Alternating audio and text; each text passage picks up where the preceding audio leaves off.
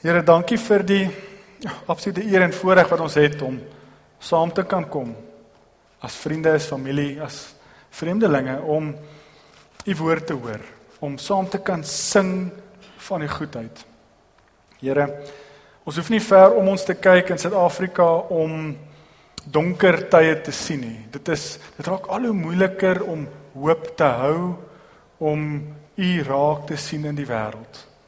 Here waar Suid-Afrikaners, gelowiges oor die land heen vandag saam bid, vra ons dat ons nog steeds altyd na U sal vas kyk. U sal raak sien want ons weet U is altyd by ons. Al voel dit of ons in watse diep donker gat is, al lyk die klimaat om ons so sleg, U is nog steeds by ons. Mag ons as gelowiges die die ligte van hoop uitstraal, die liefde van God wees vir die wêreld, daar waar dit die donkerste is. Dis nie maklik nie, Here, en dit is maklik om moed te verloor. Maar ons troos is dat U by ons is, altyd en vir ewig. En ons kan net sê dankie daarvoor. Dis met daai selfde smeking en dank dat ons na U toe kom en dit kan sê dankie dat ons U woord kan lees. Dankie dat ons U kan ontmoet deur die woord te lees. Ons weet U is altyd by ons as ons U woord lees. Help ons ook vandag dat ons nie ons eie wil sal hoor nie, maar U wil. Laat ons nie ons eie voorveronderstellings ons sal blind maak vir wat U wil hê ons moet leef en doen in ons lewe nie. Maar laat ons ook toelaat dat die Gees deur ons werk om 'n lewenstyl te leef wat U van ons vra. Here ons vra dit natuurlik nie met ons goed genoeg is, mooi genoeg is, slim genoeg is nie, maar alleen uit u seun en ons verlosser se naam, die Here Jesus Christus. Amen.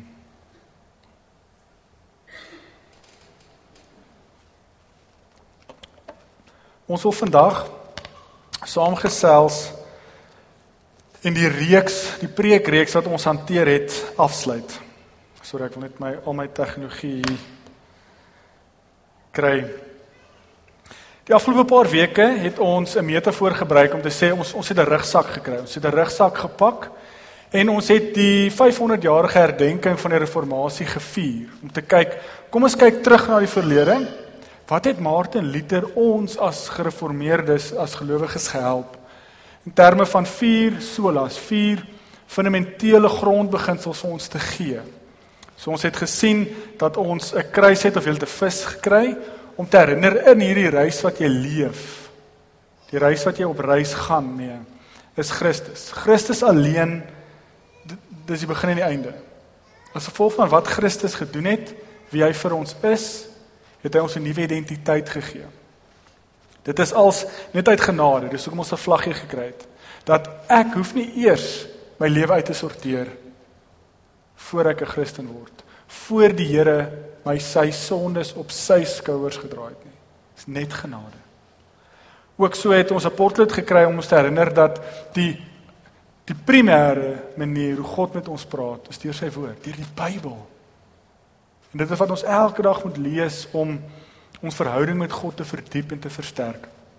Ook so was daar 'n vierhoutjie wat ons herinner dat hoe kan ons hierdie geloof die vaste sekerheid van wie God is leef. Maar nou moet ons vandag vra nou wat? Die rugsak is gepak. Gaan hy net in die kas staan en stof opgaar en jy gaan hom een keer per jaar uithaal as jy gaan stap of vakansie gaan hou? Hoe lyk dit as ons leef vanuit hierdie rugsak, vanuit hierdie sak in ons alledaagse lewe? En dit is hoekom ek hierdie sak gebruik het in my eie lewe as 'n metafoor. Dis my alledaagse sak. As ek iewers heen gaan, ek het altyd 'n boek, 'n pen wat ook al saam in my alledaagse sak. So hierdie vier beelde, uitbeeldings is in jou broeksak of in jou handsak. En jy leef met dit. En nou moet ons onsself afvra maar hoe lyk dit as ons vanuit dit leef? Hoe lyk hierdie reis? Hoe lyk hierdie geloofsreis wat ons elke dag leef? met skrif alleen, Christus alleen, geloof alleen, genade alleen. Ek wil dit graag doen in die hand van Lukas 9 vanaf vers 57 want ons kry 'n gedeelte waar Jesus ons help om hierdie vrae te beantwoord. So ons gaan vanaf vers 57 tot 62 lees. En dan gaan ons daai vrae probeer vra. Hoe lyk hierdie geloofsreis? Hoe lyk hierdie reis vanuit hierdie geloofssak, rugsak? Die van julle wat nie Bybels het nie, ek sien is ongelukkig net een Bybel, so as ek in julle selfoon uithaal. En ek lees vir ons graag Lukas 9 vanaf vers 57. Ek gaan die 83 vertaling vir ons lees. Terwyl hulle op pad was, dis nou Jesus en sy disippels, het iemand vir hom vir Jesus gevra, of gesê eintlik eerder nê, nee, ek sal u volg waar u ook al gaan. Dis antwoord Jesus. Jakkals het gate en voëls het neste, maar die seun van die mens het nie eens 'n rugplek, 'n rusplek vir sy kop nie. Maar na ander een sê Jesus, "Volg my." Maar die persoon antwoord: "Here, laat my toe om eers terug te gaan om my pa te begrawe." Jesus antwoord toe: "Laat die dooies hulle eie dooies begrawe." maar gaan verkondig jy die koninkryk van God. 'n Laaste een, 'n derde een het gesê: Here, ek sal U volg, maar laat ek net toe, laat my net eers toe om my familie by die huis te gaan groet. Toe antwoord Jesus: Iemand wat die hand aan die ploeg slaan en aanhou omkyk na wat agter is, is nie geskik vir die koninkryk van God nie. Ons lees net tot daar. In hierdie gedeelte in Lukas, dit is dit dit moet ons eintlik skok. En ek sê nou verduidelik hoekom. Want net 'n paar verse terug, vers 51, lees ons vir die eerste keer dat Jesus op reis gaan. So ons is dis letterlik as jy op vakansie gaan, stop gou by die garage maak seker die bande is reg. Jy trek net uit die vol, volstasie uit. Jy trek net uit die volstasie uit. En dan kom hierdie mense saam met jou langs die pad en sê Here, ek wil saamgaan. Maar het ons ook gelees in vers 51 dat hierdie pad van Jesus is nie na Magai toe nie. Dit is nie op vakansie nie. Jesus se reis eindig in Jerusalem en dit is waar hy homself doodloop aan 'n kruis. Dit is die reis wat Jesus loop. En nou kom die drie mense saam. Al, oh, ons hoor van drie. En hierdie persoon sê of die En die persoon sê, Here, ek wil U volg. En die Here antwoord en sê, jy moet eintlik mooi dink oor wat jy nou sê. Want jakkalse het gate en voëls het neste. Maar die seun van die mens, ek, Here, het nie eens 'n plek om my kop neer te lê nie. Wat sin speel op vers 51 van, weet jy waartoe my reis gaan? Wil jy saam met my na die dood toe loop? Wil jy jouself doodloop na in 'n kruis vas? Want as jy wil, yes, volg my. Maar kom agter wat is hierdie hoë prys van 'n sielskap? Hoe lyk hierdie reis? 'n Tweede persoon kom hulle na Jesus toe en sê Here, maar ek wil U ook volg. En die Here sê volg my. Wel, sorry ek het 'n verkeerd om sê. Die Here nooi hom uit en sê volg my. En hierdie is 'n skokkende deel want die Here, die persoon sê, Here, laat ek net toe eers om my pa te gaan begrawe. Nou hoekom dit skokkend is in daai kultuur, Joodse kultuur, godsdiens, jy het iemand begrawe die dag voor die son ondergang. Dit dit is hoe dit was. So dis interessant dat dis die dag wat sy pa dood is, maar hy wil Jesus volg. Hy vol hy's by Jesus in plaas van familie. En hy sê Here, dit is belangrik genoeg dat ek na u toe kom op hierdie dag Maar laat ek dit eers net asseblief die die regte eer en respek aan my pa betoon hier om te begrawe. Dan antwoord Jesus met iets wat ek eintlik nie eens kan verwoord nie. Van laat die dooies hulle eie dooies begrawe. Maar gaan verkondig jy die koninkryk van God. So die Here sê nie moet hom nie doen nie en kom volg my nie. Hy sê maar laat hulle hulle self begrawe maar gaan verkondig jy die koninkryk van God. So ons sien hier 'n verskriklike onderste bo konsep van die hoë eise van disippelskap. Dis belangriker om God se koninkryk te verkondig as om eer te betoon aan jou ouers of familie of godsdiens. Want dit was ingebou binne 'n Joodse godsverstaan van godsdiens. So om Jesus te volg is belangriker as godsdiens, as ek dit so kan vereenvoudig. En dan die derde persoon nooi Jesus ook uit en sê kom volg my. En die persoon sê, Here, ek wil net 'n goeie seun wees. Laat ek net vir my ouers gaan baie sê. En die Here sê, as jy jou hand op die ploeg slaan en jy kyk om, dan jy nie geskik vir die koninkryk van God nie. Wat ook skokkend is om te sê is disippelskap belangriker as jou eie familie. En volgens Lukas is dit. So ek wil ons nie skok deur hierdie drie stories te vertel van die hoë eise van disippelskap nie. Maar ons is besig om die vraag te vra, hoe lyk hierdie reis ons alledaagse lewe as ons vanuit hierdie vier solas, hierdie rugsak uit leef? En dan help ons een, sien ons hier wat Jesus sê. Jesus kyk jou in jou oë vandag en roep jou op jou naam en sê volg my. Volg hom. So jy hoef nie eers jou lewe uit te sorteer. Jy hoef nie eers iets anders te doen nie. Maar die Here roep jou op jou naam en sê volg my. En jy het nou al gehoor dat dit maklik is om ja te sê. Maar ons is bevoorrad genoeg om te weet hoe hierdie pad lyk. So een die reis is agter Jesus aan. Ons volg hom. Ons volg nie ons eie voorveronderstellings, ons eie godsdiens nie. Ons volg die lewende Here. Christus alleen is die kompas wat bepaal waartoe ons loop. En hierdie pad loop ongelukkig na ons eie dood toe. Daar's 'n lewenskoste om ja te sê.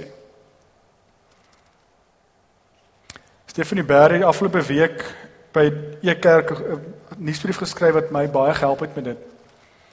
En dit gaan oor jou identiteit.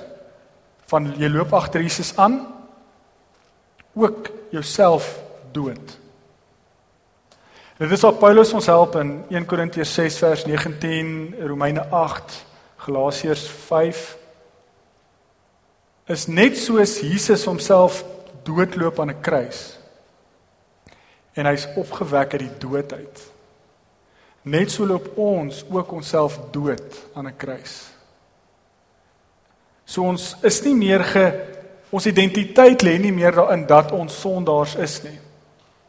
Maar ons is nou in Christus. Want God het ons ook opgewek en nuwe mense gemaak. Wat beteken ons hoef nie eers op te hou sonde doen, eers goed genoeg wees voordat God ons roep en deel maak van sy familie nie. En dit is wat die genade vir ons leer. Die beste beskrywing van genade is Philip Yancey in sy boek What is amazing about grace. Maak nie saak wat jy al ooit gedoen het in jou lewe nie. Maak nie saak wat jy tans besig is om te doen in jou lewe nie. En maak nie saak wat jy ooit nog gaan doen in jou lewe nie. God gaan jou nie minder lief hê nie. Dis net genade. En as jy dit besef, dan besef jy ek is nie meer 'n ou sondige mens nie. Maar ek is so belangrik dat die Here my op my naam roep en sê Peer, volg my.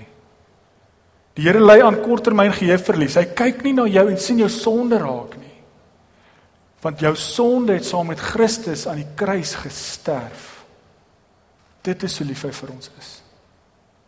Dat ons kan opstaan uit die dood uit om te leef as 'n kind van God. So ons het 'n nuwe 'n nuwe lyf, ons het 'n nuwe uitkyk op die lewe, ons het 'n nuwe bril op en ons sien Christus raak in die lewe en hoe kan ons hom volg in die lewe waar ons is? En dit is wat dit beteken as ons sê Hoe volg ons Jesus vandag? Dis deur te sê ek is 'n voltydse volgeling van Jesus Christus. Dis my identiteit. Punt. Ek is nie 'n 'n Christen werker, 'n Christen besigheidsman, 'n Christen student, 'n Christen afgetrede nie. Ek's 'n Christen. Dis al wat saak maak.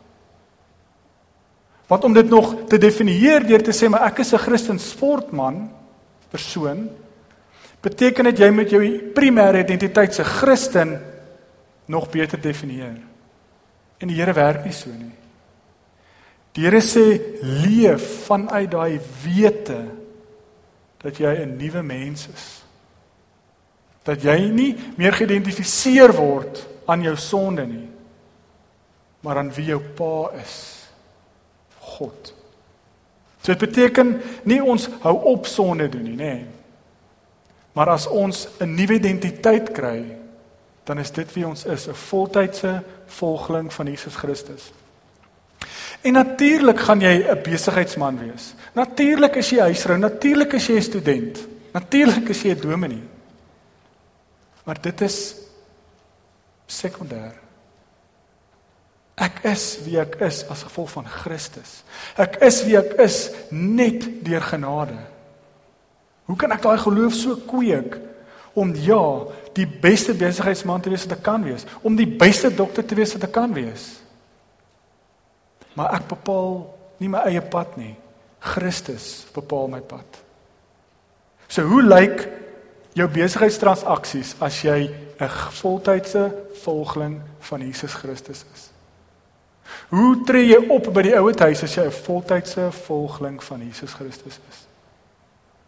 Dit is wat dit beteken om 'n uh, dis eintlik nie meer 'n geloofsreis nie, nê, nee, maar dis 'n lewenstyl. Die derde een wat ons moet besef op hierdie pad is ons het nou gesien wie bepaal ons koers en dat ons almal uitgenooi is. Die Here nooi jou op jou naam uit. Maar ons moet besef wat die kostes daaraan is. Maar nou moet ons ook sê hoe lyk hierdie eindbestemming? Want ek weet nie wie van ons het al op vakansie gegaan en net in die kar geklim en gery nie. Weet een of twee mense doen dit, maar jy het altyd eindbestemming. Hoe lyk ons eindbestemming? op ons geloofsreis, op ons lewensreis.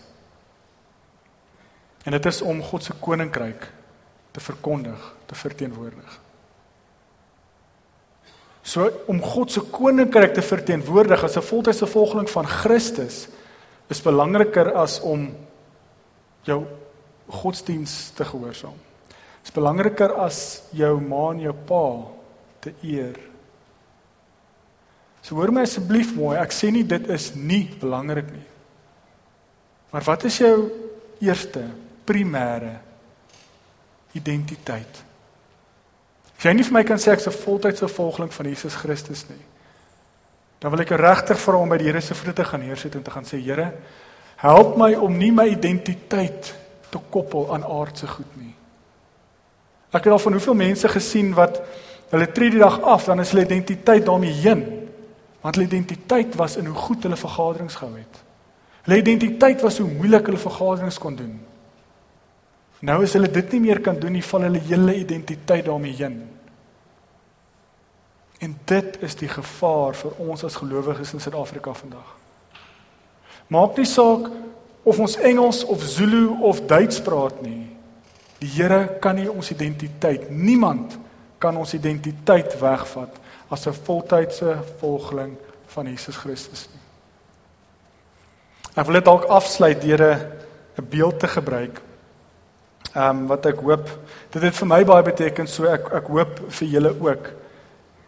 Ehm um, vir die voorreg gehad om 10 dae in Duitsland rond te wees en dit was baie interessant net so na die viering van die reformatie. En ons kom toe op 'n dag in so 'n klein dorpie aan in Rothenburg en daar's 'n kriminaliteitsmuseum. Ehm um, en omdat dit nou rondom die reformatie se viering is, is daar 'n spe spesiale uitstalling van Martin Luther. Ehm um, dit was oor hoe hy hekse gejaag het. Ehm um, en dit gaan ek nie deel nie, maar daar's toe bietjie 'n voorveronderstelling ehm um, 'n agtergrondkennis van wie Martin Luther was, wat het hy gedoen, hoe het sy verhouding met sy ouers hom gevorm en en en en. En hier's toe by hierdie uitstalling hierdie een kunswerk wat my baie beïnvloed het. En ek wil graag die kunswerk op die bord wys en dalk ook vra as ons die ligte kan afsit want hy is hy is donker. En ek wil nou nie ongeskik is my rug draai nie, maar hier staan. En hierdie is 'n kunswerk deur, oek, nou het ek sy naam ook vergeet. The Lamentations of Christ en dit is gebou deur 'n student van uh, Michelangelo. Uh, ja.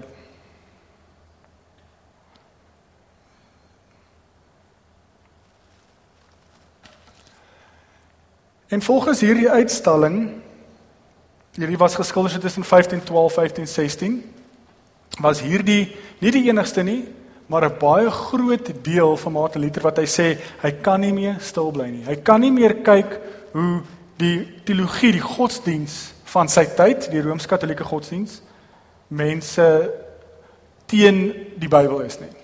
So as ons na hierdie beeld kyk, die beeld se titel, ag die kunswerk se titel is Lamentations of Christ. So een, dis Jesus wat op die voete lê, by die voete lê onder, baie donker. En dit is net nadat hy van die kruis afgehaal is en die baie manlike figuur is Moeder Maria. Ons gaan nie ingaan oor die manlikheid van Moeder Maria nie, maar as jy na hierdie kunswerk kyk, die styl waarmee hulle geskilder het, die beligting wat hulle gebruik het, die verftegnieke, die perspektief. Waaroor sal jy sê gaan hierdie kunswerk? Wat is sentraal? Wat's belig? Dis Maria. Martin Luther het na die kunswerk gekyk en gesê, "Hoe kan hulle dat Moeder Maria belangriker is as Jesus? Hoe kan hulle? Christus alleen is die motivering, die identiteitsmerker. En dit was toe hy gesê het, maar, maar dit kan nie meer nie. Maria kan nie belangriker wees as Jesus Christus wat ons ons identiteit gee nie. En as ons na die volgende twee kunswerke kyk, dit is nou ook maar net om te wys hoe dit in die hedendaagse wêreld nog steeds is. Ons kan maar na die derde een toe ook gaan. Waar dit eintlik ook uitbeeld is in 'n kerk in Würzburg waar Jesus ook in die skoot lê van Maria, maar Maria is die heilige. En Jesus is sekondêr.